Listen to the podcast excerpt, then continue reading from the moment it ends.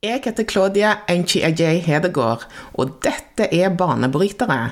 Podkasten hvor du får høre inspirerende historier om karriere og ledelse fra personer med flerkulturell bakgrunn i Norge som utmerker seg og baner vei. Starte med et helt blankt ark. Det er tortur for meg. Det der blanke arket, og det står null på tegn. Og de der første 200 tegnene det er kanskje første 500 tegnene er et mareritt. Det, sånn det, er det nærmeste jeg kommer angst. Det er liksom eh, en, en halv, halvtom side. Eh, men arbeidet som kommer etter at du har kommet deg fra start til slutt, det syns jeg er dritgøy. Og ikke minst når det er publisert. Da er det sånn ah, Den følelsen av å slippe noe ut og ikke trenge å forholde deg til det noensinne igjen. Faen, det er nesten like bra som sex. Ja. Det er sånn Det er helt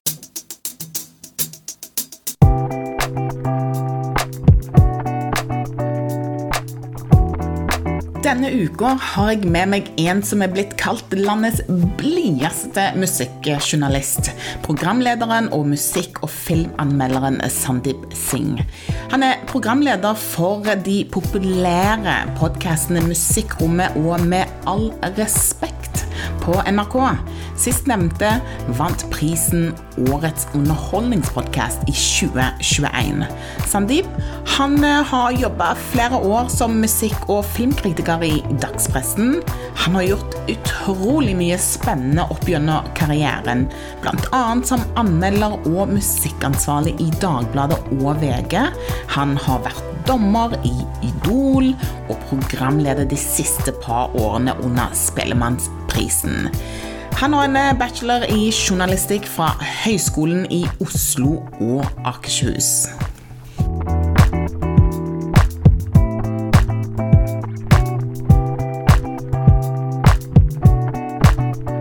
Velkommen til Banebrytere, Sandeep. Tusen takk!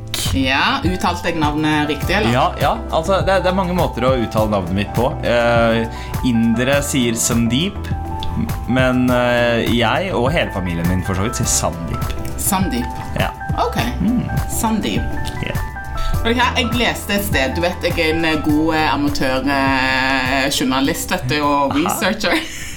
Ok, Hva er det du har gravprøvd? Hva er det du har gravprøvd på meg? Kommer aldri til å si. Nei. Men jeg leste at eh, du eh, har en sånn greie med Zalando-appen. ja, ja, ja. Og at du er veldig glad i eh, gode deals på sneakers. Mm. Hva er greia der? Er du en, eh, en liten shopaholic, eller? Ja, altså, eh, det vil jeg nok eh, det, jeg, må, jeg må nok bare legge kortene på bordet og si ja. Eh, jeg, er, jeg er en recovering shopaholic.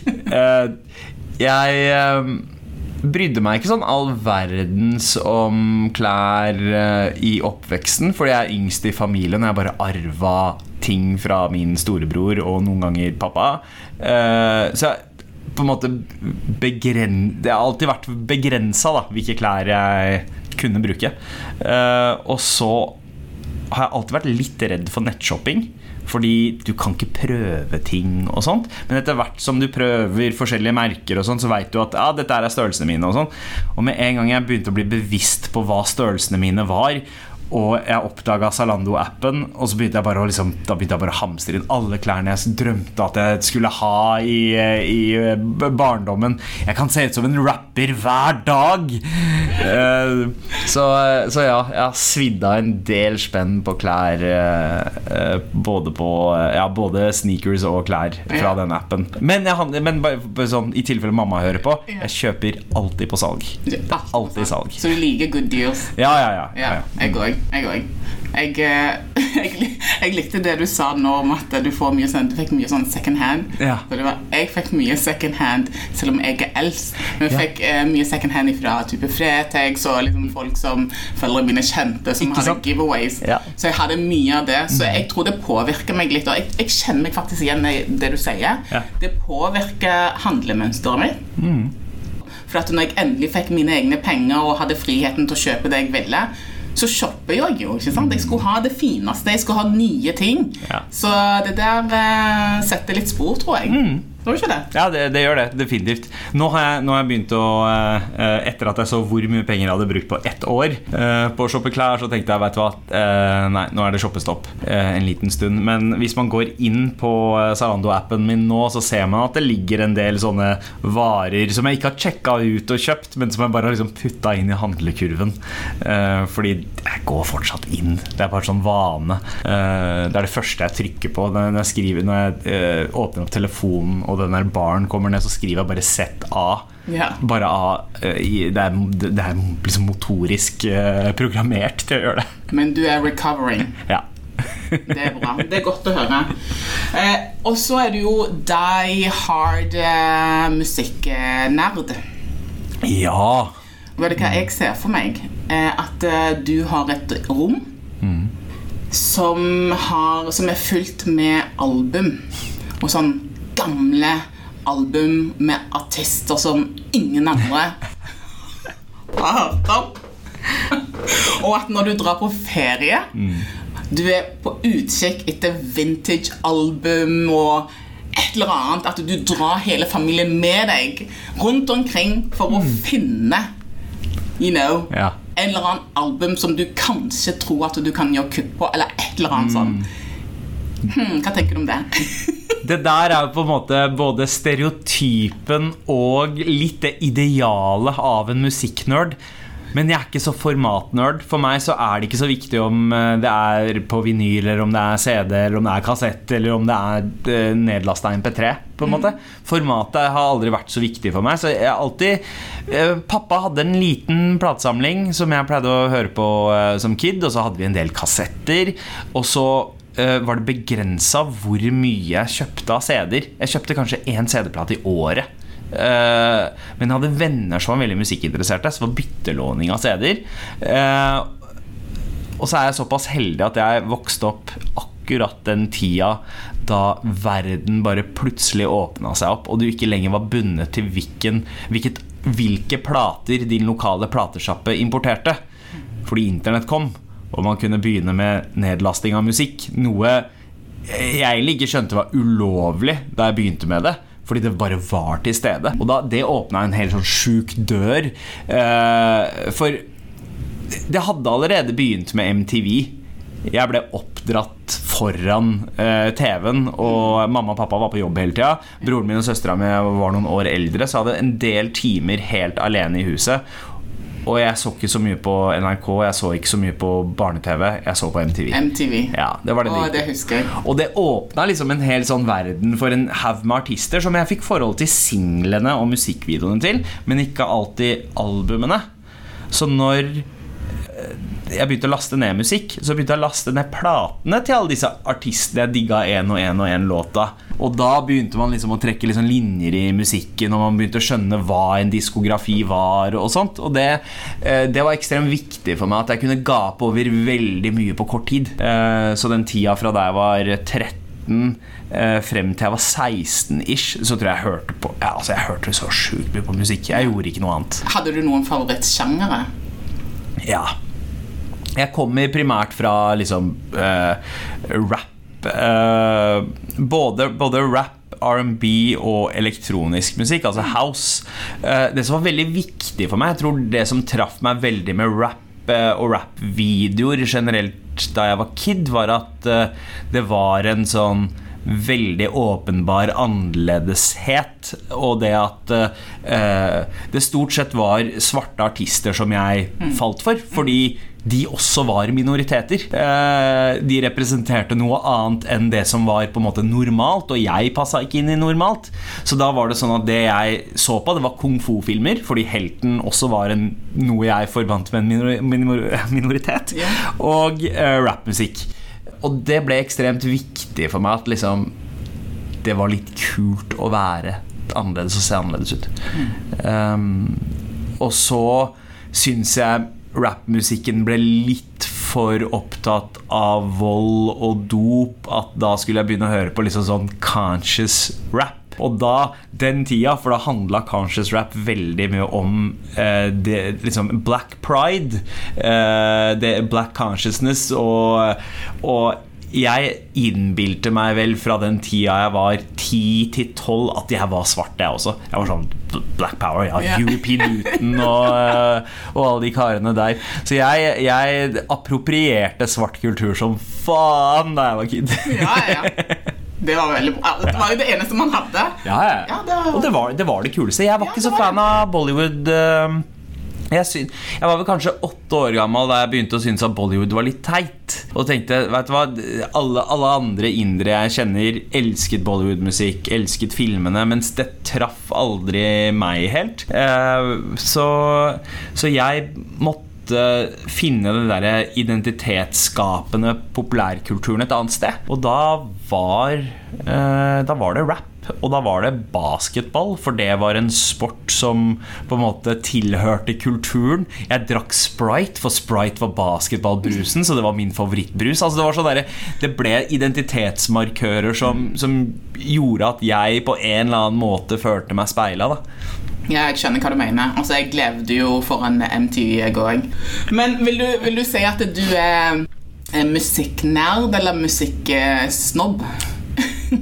Nei, altså eh, jeg, jeg, er så, jeg er ikke så snobbete av meg når det kommer til verken musikk eller film. Jeg, jeg ser på meg som en liksom, eh, lidenskapelig opptatt av både musikk og film og populærkultur generelt.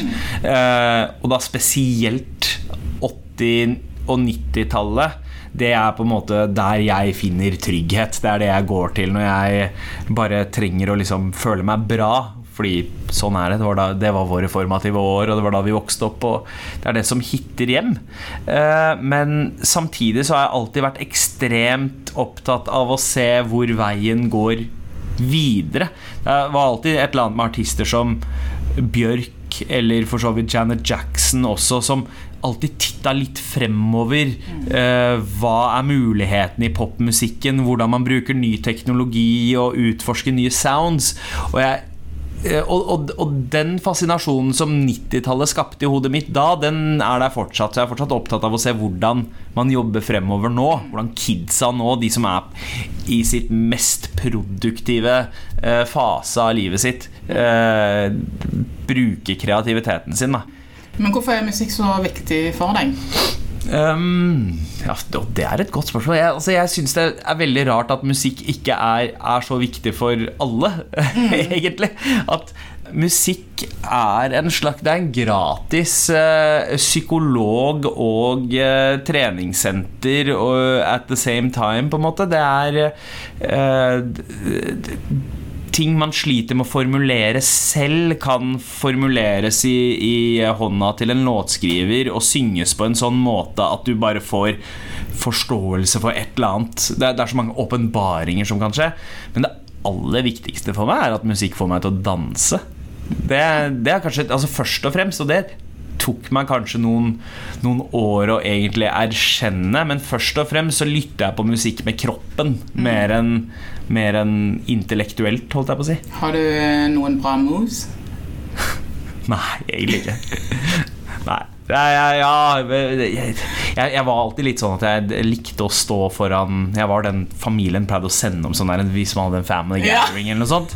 Da var det sånn der Hei, Sandeep, gå øh, og dan, dans foran gjestene. Uh, og, og det gjorde sånn at jeg ble veldig sånn hadde mye sånn komiske dansemoves, og de har blitt med meg. Så jeg, jeg kan fort dra The Carlton eller eh, Når jeg setter på noe Tom Jones, så er jeg der. Men MC Hammer òg, eller? ja, ja, ja, ja lett. Vanilla Ice, MC Hammer, em, til og med Macarena. Jeg diskriminerer ikke, altså. Jeg gjør alt. Ja. Men nå er du programleder for eh, Musikkrommet, NRKs musikkpodkasten Musikkrommet, også med all respekt, da. Um, og så må jeg bare si at jeg liker veldig godt eh, Musikkrommet. Jeg eh, lytter, lytter til det uh, ofte. Og det er én ting å lytte til det og liksom høre på musikken og nyte beatsen og, og alt det der teksten osv. Men det du gjør, føler jeg at du tar det til et takt videre. Sant? Og gjør det litt mer spennende, litt dypere. Så det liker jeg veldig veldig godt med, med, med Musikkrommet. Så jeg syns du gjør en veldig veldig god jobb. Ja, takk! Ja. Så hyggelig å høre. Nei, altså, nå, Det er jo ikke til å stikke under, under en stol at uh, musikkjournalistikk har på en måte uh, av flere grunner uh, blitt nedprioritert i eh, mediehusene. Og det gjelder også NRK. At eh, det var mange en periode som hadde gitt opp at NRK var et sted man kunne uh, få musikkjournalistikken sin fra. Selv om den har vært der uh, på radio og uh, i aller størst grad på radio, så har den ikke vært like lett for folk å finne eller oppsøke. Fordi radio er et litt sånn fluktig medie. Det sendes, og så glemmes det. Så, så det å på en måte gi folk en tillit til NRK igjen som en leverandør av eh, musikkjournalistikk mm. og en seriøs aktør. Eh, da, jeg følte at vi nærmest måtte starte litt fra scratch for å få folk litt sånn Hei, nå, nå tar, tar vi musikken på alvor, og da må vi faktisk gjøre det. Selvfølgelig, jeg, jeg har jo mange år som musikkritiker eh, bak meg, men i musikkrommet så har jeg lagt på en måte Kritikeren er litt i baksetet. Nå er jeg først og fremst en formidler. Altså forklare hvorfor noe er et fenomen, eh, er det viktigste, tror jeg, med musikkrommet. Og det er utrolig gøy. Jeg har en jævlig bra redaksjon eh, jeg jobber med. Eh, Lydtekniker Nils, som er helt sjuk på det han driver med, og Jean og Amund, som gjør prod og manus. Så, så jeg hadde ikke klart å lage den podkasten der aleine. Fordi selv om jeg har mange tanker og ideer om musikk og artister, og jeg får frem det meste jeg har lyst til å si, da, eh, så er det noe med å fortelle det i en sånn logisk eh, rekkefølge, som en historie med scener og en dramaturgisk idé, da, som, eh, som på en måte Jeg er vant til å bare bable fritt. Jeg er vant til at eh, når vi snakker Og hvis jeg er invitert et sted for å snakke om en eller annen artist, så jo da, jeg har en idé om at dette her er en start og dette er en slutt, men jeg bare babler fritt. Det gjør jeg ikke i musikkrommet, selv om vi prøver å få det til å høres ut som at det er fri babbel, og det er det i stor grad også, men det er veldig gjennomtenkt hva vi sier når, og da trenger vi flere hoder enn mitt. Ja, det, det merker jeg. Jeg syns det er veldig bra. Og du har jo klart å gjøre en karriere, eller i hvert fall finne en karrierevei som betaler deg for å jobbe med noe du nerder på. Ja. Altså Hvordan klarte du det? Altså ja, si det. Eh, hvordan har jeg klart det? Nei, vet du hva, det har egentlig vært planen min fra da jeg var kid. Ass. Eh, At du skulle bli musikkjournalist? Nei, ja, altså da, Det var jeg ikke helt sikker på. Men, men da jeg var tolv, så var jeg redaktør for skoleavisa eh, på barneskolen. Eh, og da skjønte jeg at ja, dette her er noe jeg kanskje kunne ha tenkt å drive med videre. Og så hadde jeg litt lyst til å bli musikkprodusent, og så hadde jeg litt lyst til å bli filmregissør. Og så eh, det, det litt av hvert.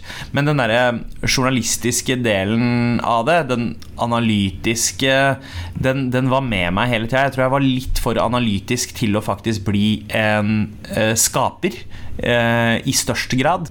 Eh, men jo, tilbake til det du uh, snakka om angående det å eh, få betalt for å drive med det man elsker. Eh, jeg kommer fra en indisk familie, og der er karriere og utdanning ekstremt viktig. Og det er ikke et ekstremt eh, stort mangfold i hvilke eh, linjer eller retninger som, som er innafor. Det er gjerne liksom det som er ansett som respektabelt. Altså lege, advokat, ingeniør eh, ja, Kanskje, og så kommer på en måte andre rekka, som er sånn eh, økonomiske fag, altså enten revisor eller whatever. Journalist det er ganske langt nede. Det er altså. liksom unna. Helt langt, langt, langt Ja, ja, ja. Altså, journalister bor med rottene. Så, så det, var, det var ikke noe liksom, mamma og pappa kunne skryte av. Eh, heldigvis så tok søstera mi en for laget og ble lege, og broren min uh, utdanna seg innenfor business. Så, eh, så, så jeg, jeg, var det, jeg var det eksperimentet i familien, og yngstemann, så jeg fikk liksom litt rom. Jeg skapte litt space, fordi jeg sa til mamma og pappa dere skal, kan ikke forvente at jeg skal eh, f- få meg et inderyrke eller gifte meg med en inder. Det var noe jeg sa, sa ifra om ganske tidlig. men, men uh, det jeg drev og tenkte på, da, den der prosessen man alltid går gjennom hva skal man, Når alle andre spør ja, men hva skal du drive med når du blir stor, hva, hva er det du har tenkt hvis du ikke har tenkt å bli lege, og alt det, så bare Hva er det jeg liker å drive med? Hva er det jeg har lyst til å bruke åtte til ti dager av Åtte til ti timer av dagen resten av mitt liv? Hva er det jeg har lyst til å drive med? Og da har jeg alltid peila meg inn på formidling av, av eh, På en eller annen måte. Og formidling av det jeg, har, det jeg elsker aller mest, og det var musikk og film. Det var de to tingene. Og og så begynte jeg å interessere meg for musikkanmelderi. Jeg leste Spirit og Natt og Dag, eh, anmeldelsene der. Og så tenkte jeg liksom, Noen ganger så var det sånn, ble man sjukt imponert over hvordan folk formulerte ting. Og bare oh, wow, man kan tenke på musikk på den måten der. Og andre ganger så var det sånn ah, jeg kunne ha skrevet det der bedre. Og så, og så ble det litt sånn etter hvert at jeg tenkte ok, greit, det, det der skal jeg prøve meg på en liten stund. Og så skal jeg bare bli bedre enn de andre, da. Eh, det, det, var liksom målet. For det var alltid det Det var det lærdommen jeg fikk uh, hjemme hos uh, Altså hjemme hos oss var liksom pappa Vi hadde jo en sånn skala. Jeg var redd for å komme hjem med en firer på karakterkortet. Mm.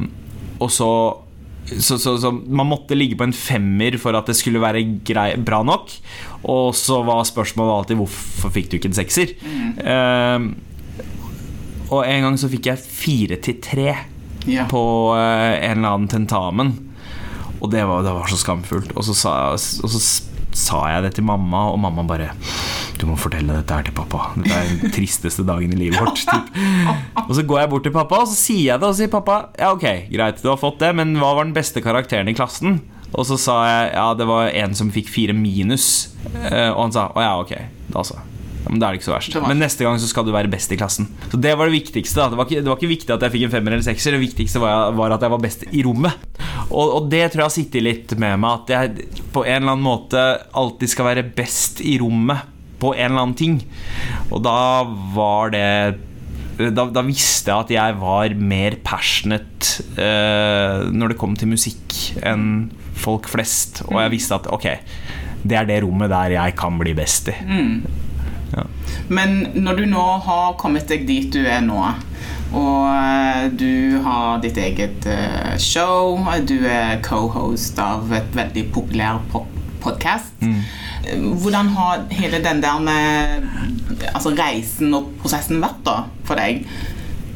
Ja, altså jeg har aldri Eller jeg har veldig sjelden måttet si ja til en jobb jeg ikke har lyst til å gjøre. Eh, det er et privilegium jeg tror jeg har hatt eh, av mange grunner, men også fordi jeg begynte å frilanse da jeg var 19, altså rett ut av videregående. Så jeg har prøvd å utdanne meg, og, eh, men alltid ramla av studiene, for jeg har prioritert jobben. Det er noen jobber jeg har gjort som jeg ikke har vært så stolt av også. Som var det? Uh, altså, jeg var journalist i Rampelys, VG Rampelys. Satt på nyttårsaften 2011. Eh, 31 desember 2011. Jeg husker mm. det fortsatt. Drev og ringte kjendiser for å spørre om hvordan de skulle kvitte seg med julefettet. Det var en oh slankesak som, som, skulle på forsida av VG 1.1 og da husker jeg at jeg satt mens jeg gjorde det, så tenkte jeg å fy faen, det her skal jeg aldri gjøre igjen. Og da, da, da, da slutta jeg å jobbe for Rampelys som journalist, og fortsatte kun som anmelder. Eh, og det var ganske nice. Du blir ikke rik av det, men, men du har i hvert fall stoltheten litt i behold. Da. Og så er det sånn det, den tida mi som idoldommer også Det er ikke sikkert at jeg ville ha sagt ja til det om det ikke var for akkurat den livsfasen jeg var i der og da. Hadde akkurat altså, jeg tror jeg bare noen uker før fått vite at uh, vi skulle få barn. Og jeg var frilanser uh, med litt sånn usikker jobb. Og så får man det tilbudet, og da er det sånn der oh, oh ok, ja. greit. Uh, jeg angrer ikke på det, men jeg tror at hadde jeg vært i en annen livsfase, så ville jeg kanskje ikke ha sagt ja til en jobb som idoldommer heller. Men, men det var bare sånne ting som klaffa. Men jeg tror det um, jeg tror kanskje en, eh, en, en styrke jeg har hatt da, i feltet mitt, er at jeg har vært veldig sånn altetende. Altså, jeg har ikke begrensa meg til noen sjanger. Jeg ble jo først og fremst plassert inn som en rap- og R&B-anmelder, men så begynte jeg å ta andre jobber og begynte å anmelde popmusikk og til og med eh, noen rock- og punkplater i ny og ne. Og, og vise at du på en måte har en respekt for for ting som også er utafor din sfære og din boble, og har en forståelse for det, tror jeg gjør at man på en måte an, kanskje anses litt mer som en, eh, som en ja, potet. da Man er mer anvendelig i flere situasjoner, og det har gjort sånn at jeg har fått tilbud utafor min sfære også. Det tror jeg nok har vært ekstremt nyttig. da Det å ikke la deg selv på en måte Ikke, ikke tenke at 'å ja, men dette her er utafor mitt bord, så dette skal jeg ikke gjøre'. Jo, hvis du har fått det tilbudet, så er det tydeligvis noen som mener at det er ditt bord. Og da krever det ikke all verdens med research for å, gjøre, for å, for å på en måte tilpasse bordet ditt. Ja. Så du er åpen altså det du sier, at man må være åpen Mm. for å ta imot muligheter når de kommer, da. Definitivt. Ja. definitivt. Altså, det er ekstremt uh, viktig. Altså, det, du eh, Det er eh, det, Har du sagt nei til muligheten, så, så er det jo en failed mulighet uansett. Altså, det blir jo ikke en eh, Det høres mad sånn inspirational quote ut, men, men det, den, den muligheten er jo bare der hvis det er et ja. Ja, ja. Er det noen muligheter som du har sagt nei til, og så angrer etterpå? Nei. Nei, faktisk ikke. Ingenting. Eh, Men har du, har du noen eh, kriterier for hva er det du sier ja til? For du kan jo ikke si ja til alt mulig. eller Nei. det? Jeg, det, det har vært en periode jeg sa ja til alt jeg hadde lyst til å gjøre. Ja. Og da brant jeg meg ut eh, og måtte ta fri fra jobb for første gang noensinne. Sånn typ sånn sykmelde meg nærmest Oh, wow. i to uker. Det er alltid sånn Det har alltid vært sånn at jeg bare tenker Ok, hvis det høres gøy ut, så gjør jeg det. Hvis jeg ser for meg at jeg koser meg mens jeg gjør denne jobben her, og at fruktene av det kommer til å være bra, da, da sier jeg ja til det. Eh, jeg har aldri egentlig vært særlig glad i å skrive. Jeg skrev i mange år, men jeg var ikke så glad i selve skriveprosessen, men jeg var veldig glad i å ha skrevet noe, og så gått gjennom det og på en måte analysere det man har skrevet sjøl. Den delen elsker jeg. Men det å starte med et helt blankt ark, det er tortur for meg. Det der blanke arket, og det står null på tegn. Og de der første 200 tegnene det er kanskje første 500 tegnene er et mareritt. Det sånn det, det er det nærmeste jeg kommer angst. Det er liksom eh, en, en halv halvtom side. Eh, men arbeidet som kommer etter at du har kommet deg fra start til slutt, det syns jeg er dritgøy. Og ikke minst når det er publisert. Da er det sånn ah, Den følelsen av å slippe noe ut og ikke trenge å forholde deg til det noensinne igjen. Faen, det er nesten like bra som sex. Ja. Det er sånn Det er helt Men, men er er det sånn at du foretrekker også, å være en eh, programleder for eh, radio eh, Mm. heller enn å skrive? Å ja, mye heller. Altså, eh, vet du hva? Det å, det å jobbe med lyd og jobbe med radio og podkast, det, er det, det er det feteste jeg har gjort. Altså, det ene er jo, den livsfasen jeg er i, to små barn og greier. Jeg trenger litt forutsigbarhet, og jeg trenger at dagen slutter når den slutter. Typ. Eh, og, og det er mye enklere med radio og lyd. Eh, men så er det også den, det at alt ikke trenger å være så gjennomtenkt. Eh, fordi hvis det er for gjennomtenkt i podkast og radiosammenheng, så høres det mekanisk ut og maskinelt. Eh, og det, det liker jeg ikke. Det skal være en free flow, og den delen elsker jeg, for det er litt sånn at det som skjer der og da under opptakssituasjonen eller livesendinga, det er det som skjer. Du må ha en aksept for at det er det som skjer. Og så må du bare spille videre på det og improvisere på det. Og det er, det er så mye mer befriende enn å, enn å tenke på det papiret, ordene står der, nøyaktig hvilken rekkefølge, har du valgt det riktige synonymet her, eh, og alle de der eventualitetene som i hodet går gjennom mens du jobber med det. Det slipper man Og når du i radio. sier det, så har jeg papiret mitt og notatene mine her som jeg ser på. Ikke sant? Men du slipper det når du jobber med eh, lyd og radio. Det er så befriende. Ja. Det er dødsgøy å jobbe med, og det er deilig at at vi er i en tid hvor uh, lyd har en oppsving. Så, uh, så jeg ser for meg at jeg kommer til å gjøre dette noen år. Ja, du gjør det. Ja. Når du er frilanser, blir man frilanser fordi at man vil, eller fordi at man ikke får fast jobb? Jeg har aldri jeg har al Altså, vet du hva? Sp svaret mitt her Jeg vet ikke. Men når det kommer til min egen del, så er det sånn Jeg um, Jeg har aldri vært gira på en fast jobb. Jeg vil ikke på en måte føye meg etter samfunnets uh, krav om at man skal jobbe fem dager hver uke, har fri to dager hver uke. Noen uker er sånn at jeg har lyst til å jobbe seks dager, andre uker så vil jeg jobbe tre dager. Og den friheten kan jeg bare ha hvis jeg er frilanser eller driver bedrift for meg sjæl. Og, og, og sånn har det vært siden starten at jeg trenger den fleksibiliteten til å planlegge månedene mine eh, som, som jeg vil. Og Eh, det er ikke alle som får det til å funke. Noen mm. trenger den der tryggheten av en fast jobb og vite at ja, ja, så og så mye av lønna uh, går til pensjon, og skatten blir gjort for meg, og alt det der. Mm. Noen, noen, noen trenger det. For min del så har ikke, uh, har ikke det vært det, for, for, meg så føles det mer som et fengsel. Så jeg, jeg er ikke Nei, ja. Jeg, men men det, det er jo mange rundt meg som har tvilt på at jeg har gjort eh, det rette. da Altså Mamma og pappa, for eksempel, og for så vidt søsken, og, og kona mi også på et tidspunkt. Bare sånn Burde du ikke bare eh, liksom, få deg en fast jobb, så slipper du å være bekymra for hva du skal gjøre da, og gjøre, mm. gjøre da og gjøre da. Men det er det som holder meg litt av my feet, er den manglende forutsigbarheten. Fordi med en gang ting er veldig forutsigbart, så syns jeg det også blir ekstremt kjedelig. Og da blir jeg demotivert, og da gjør jeg ikke en like god jobb. Men har det hendt at du, du har tenkt at hva, nå er det kanskje usikre tider, dere skal kanskje kjøpe dere et større bolig, jeg vet ikke, mm. så hvor du har kjent på at det, uh, Kanskje jeg skal føye meg litt og så gå for den der faste åtte til fire-type jobben? Jeg burde vel kanskje tenke sånn, ja. men jeg gjør det ikke. Jeg, jeg, altså, er det én ting jeg har fått Det, det har fått fra pappa, da. Eh, jeg er liksom evig optimist. Ting ordner seg alltid. Eh, jeg har aldri opplevd et problem som ikke har ordna seg.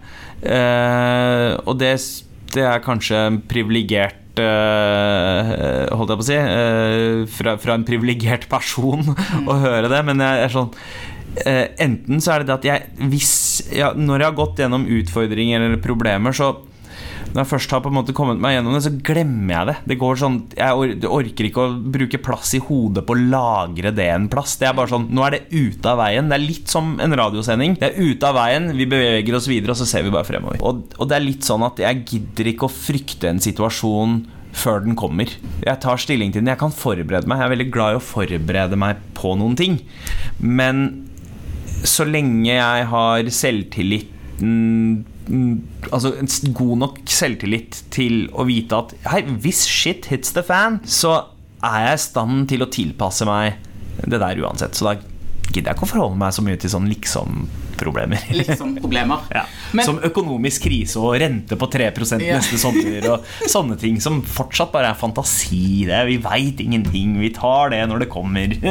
Men utrolig deilig egenskap da å ha. Det å ja. evne å, å, kunne bare si at vet du hva, jeg håndterer det eh, hvis jeg kommer der, istedenfor å dvele på at det kanskje kommer, og så må du planlegge, lage sånn scenarioplaner for hvordan du skal håndtere det, og dermed så tar du beslutninger mm. for noe som ikke har hendt ennå. Ja. Jeg syns det er en veldig fin egenskap. Jeg. Ja, det er eh, Men jeg, altså, det er jo en uh, decent egenskap. Det, det gjør jo jeg tror, jeg tror det er litt sånn Det øker livskvaliteten litt, da å, å, være sånn. Men samtidig så har jeg jo forsikring. Jeg betaler jo for forsikring, så jeg er jo ikke helt manjana manjana heller, liksom. Jeg, så det er noe Hvis han kommer, ja, ja. så, så noe uforutsett må man på en måte se for seg. Men, men da er det i forsikringsselskapets hender. så nå Jeg går ikke fra dag til dag, men fra uke til uke og måned til måned. Det er den scopen, fordi uh, den er konkret. Mens tre måneder frem, halvt år frem Jeg aner ikke hvor langt krigen har kommet da. Altså, det, det ikke, for meg så er det ikke noe vits å planlegge så langt i, fremover. Ser du på deg sjøl som en suksessfull eh, person? Spørs hva man legger i suksessfull. Vellykka suksessfull Nei, altså Jeg ser på meg selv som en fyr som har tatt et utradisjonelt valg i livet i forhold til alle andre indre. og så, og så eh, tilfeldigvis så har jeg klart det godt nok til at jeg har fått lån og øh, kjøpt kåk og gifta meg og fått barn. det ordna seg. Ja. Så, men, men suksess Nei, nei. Jeg er ikke vellykka før jeg har uh, en yacht. En yacht? Ok, så vi er der nå. Så du lot deg overbevise, altså. Veldig bra. Du får invitere meg på den yachten, fordi det er ganske kult å kjenne noen som har yacht. Men hva er ambisjonene dine framover? Nei, altså Jeg tror ikke at det har forandra seg så mye. Ass. Det er bare det at jeg har lyst til å like Elske det jeg driver med. Jeg vil ikke at det Det som er en jobb for meg, skal føles som en jobb. Eh, Jeg vil at det skal være noe som jeg egentlig ville ha holdt på med selv om jeg fikk betalt for det eller ikke. på en måte, altså uansett. Eh, Det har jeg naila med med all respekt. Det er mine tre bestekompiser som bare prater shit eh, fire dager i uka. Og får betalt og får betalt for det. Jeg, eh, ikke spør meg hvordan vi fikk det til. Jeg, Jeg aner ikke. Men, men det er noe jeg ville ha gjort uten å få betalt for det også. Og det å drive og bable om musikk og fortelle historier om artister som jeg enten elsker eller beundrer eller setter pris på uh, Vet du hva, jeg gjorde det lenge før jeg fikk betalt for det også. Så, så det er å fortsette med det. Jeg har ikke lyst til å på en måte inngå noe kompromiss med hva jeg syns er gøy. Det er det viktigste for meg. Liksom, at ting, eh, ting er gøy. Og så kan man tenke på ok, om ting er viktig også. Jo, Seff, kanskje jeg har lyst til å gjøre noe som anses som viktig òg, men jeg tror bare Altså, hva som er viktig, det er litt øh, Det kommer an på Det er et litt spesielt begrep, men, men uh, jeg syns jo at uh, det vi f.eks. gjør i øh, Med all respekt, er viktig i den forstand av at vi drar inn nyansert eh, Det er mye joking, det er mye borderline rasisme vi driver med her, men målet vårt med det er å nyansere mangfoldet. At alle vi svartinger Altså, vi har en sånn greie om at ja, ja, men det er, det er enten hvite nordmenn eller svartinger.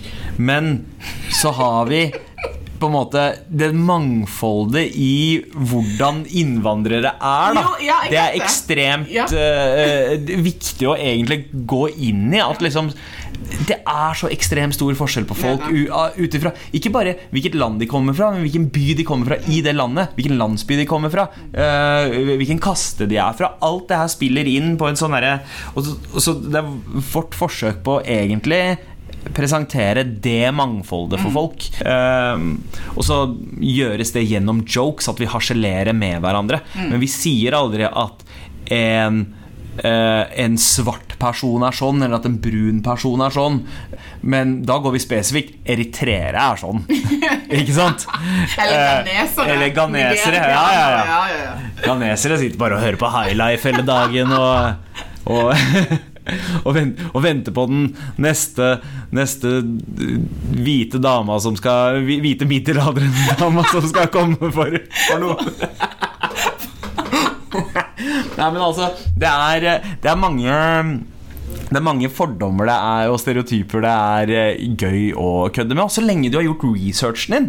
Eh, Jeg mener at no, noen av de som har vært best på å lage innvandrerhumor i Norge, og da tenker jeg sånn i gamle dager eh, Fordi det var ekstremt mye sånn rasistisk eh, preg på mye av humoren da. Men Bård eh, Tufte Johansen og Harald Eia, da de lagde Åpen post og Ut i vår hage, så merka du at ja, men hei, de veit hva de kødder med. De har gjort researchen sin i, i, menneskene de kødder med, og derfor følte man seg sett. Man følte at de respekterer oss som en kultur og et folkeslag. At de, kan, de veit nok om det til å kødde med det. Og da er man med på joken, fordi de har, bare, de har gått dypere inn. Mens en haug andre så bare sånn derre Altså ja, Gjenta stereotypier. Ikke sant? Og stereotypier som ikke henger sammen. Jeg skal ikke si noe om noen, men Ali Reza-karakteren, f.eks., ja.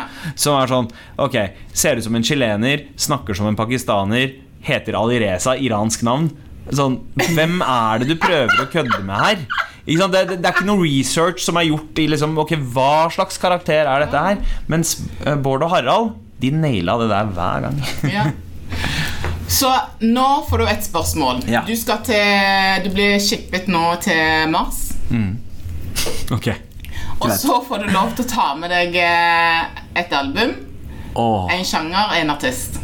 Å, oh, fy Ok, så jeg har lyst til at eh, jeg får lov til å ta med meg ett album. Ja. Men også en hel sjanger? Nei, nei, nei. nei, nei, nei. Ja, Innenfor ett sjanger. Ja, ja, ok, ok, ok, okay, okay greit, En artist, så du kan ikke velge flere artister. Ja, greit, greit, greit, greit. Å, Ok, Hvis jeg er i Mars Nå må jeg prøve å se for meg liksom jeg er på Mars. Er jeg der med flere folk, eller er jeg der aleine? Du, er, du er der aleine. Jeg er der helt ja. aleine. Ok. Og så så trenger jeg liksom musikk som både kan få meg til å danse, men også ha ro i seg. Den plater som på en måte uh, har, har, litt av hvert. Ok. Uh, men samtidig så vil jeg jo også ha noe musikk som sier noe om stedet jeg er i. Så hvis jeg, det skal være dansbart, det skal ha ro i det, og det skal være litt speisa, da må det være Daft Punk med Discovery, da. Andreplata til Daft Punk. Oh, Perfekt. Mars-plate. Wow. Ikke verst. Det var ikke verst. Ja, det, wow. Det er plata si. Men da er du sikra? Ja. Da er det nyttårsaften hver eneste dag. Ja. Den plata der på repeat. Ja. Sandeep, ja. takk for praten. Tusen takk, Lode. Veldig hyggelig. Veldig hyggelig at du ville ta en prat med meg i dag.